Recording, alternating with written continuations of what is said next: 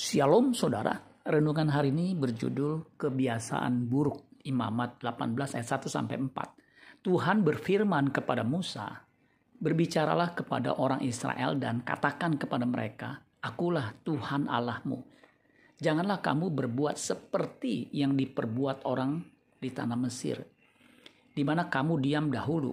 Juga janganlah kamu berbuat seperti yang diperbuat orang di tanah Kanaan ke mana aku membawa kamu. Janganlah kamu hidup menurut kebiasaan mereka. Kamu harus lakukan peraturanku dan harus berpegang pada ketetapanku dengan hidup menurut semuanya itu. Akulah Tuhan Allahmu. Kebiasaan apa yang dilakukan orang Mesir dan orang Kanaan sehingga Allah melarang umatnya untuk menirunya Bangsa Mesir dan bangsa Kanaan adalah bangsa yang menyembah berhala dan mempraktekkan ilmu sihir. Suka kawin campur. Itulah kebiasaan penduduknya.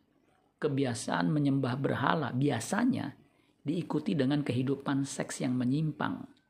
Kebiasaan yang sudah mengakar, sukar untuk dicabut seperti pohon besar.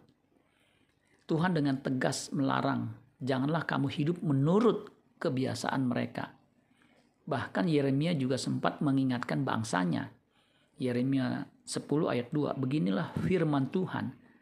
Janganlah biasakan dirimu dengan tingkah langkah bangsa-bangsa.